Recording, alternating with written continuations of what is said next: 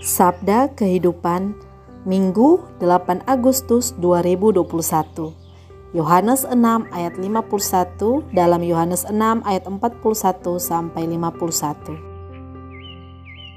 Akulah roti hidup yang telah turun dari sorga. Jikalau seorang makan dari roti ini, ia akan hidup selama-lamanya.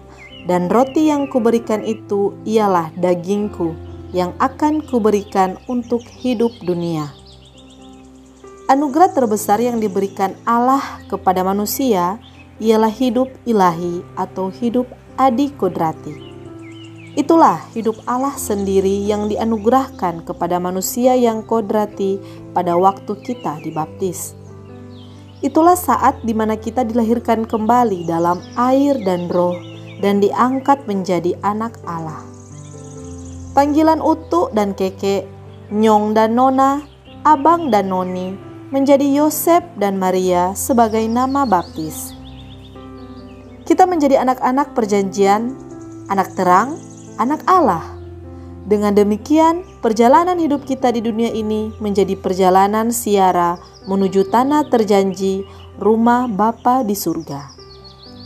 Dengan begitu indahnya, Yesus mengingatkan kita mengenai perjalanan umat Israel menuju tanah terjanji melewati padang gurun yang kering di sana tidak ada makanan dan minuman. Karena itu mereka diberi mana atau roti yang turun dari surga. Itulah makanan sehari-hari mereka hingga sampai ke tanah terjanji. Kini kita semua umat Israel yang baru oleh kasih karunia Allah diberi santapan harian tubuh dan darah Yesus sendiri sebagai roti dari surga.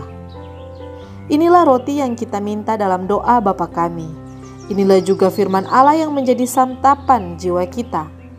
Agar dalam perjalanan siara menuju surga, Yesus tinggal dalam kita dan kita dalam Yesus. Ia menjadi sumber hidup dan kekuatan kita. Perjamuan yang diadakan Yesus dan pengorbanan salibnya telah ia berikan kepada kita agar kita percaya dan hidup oleh tubuh dan darahnya. Untuk selamat sampai ke surga serta hidup selamanya bersama dia. Rindukanlah Yesus setiap hari menjadi santapan kita sehari-hari.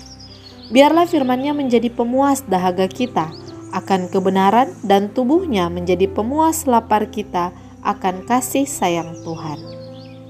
Selamat hari Minggu, santaplah Yesus dalam Ekaristi dan Komuni Kerinduan.